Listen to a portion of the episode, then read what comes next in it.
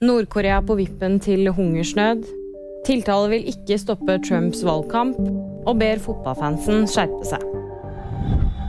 Flere hevder at Nord-Korea er inne i sin verste matkrise siden 90-tallet. Torsdag avsluttet Nord-Koreas leder Kim Jong-un et fire dager langt ekstraordinært møte om landbrukssituasjonen i landet. Dette satte i gang spekulasjoner om at landet er inne i en alvorlig matkrise. Ifølge flere medier hevder sørkoreanske myndigheter at det er rapportert om flere dødsfall som følge av sult i Nord-Korea. Landet selv avfeier påstandene.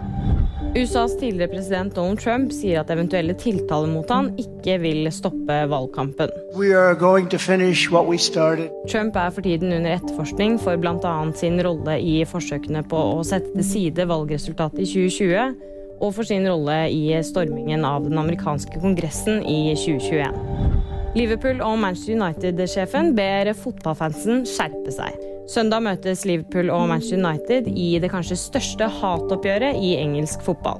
Fans fra begge lag har både på nettet og fra tribunen brukt grusomme hendelser fra fortiden til å rakke ned på motstanderen, men det vil nå Liverpool-sjef Jørgen Klopp og Uniteds trener ha en slutt på.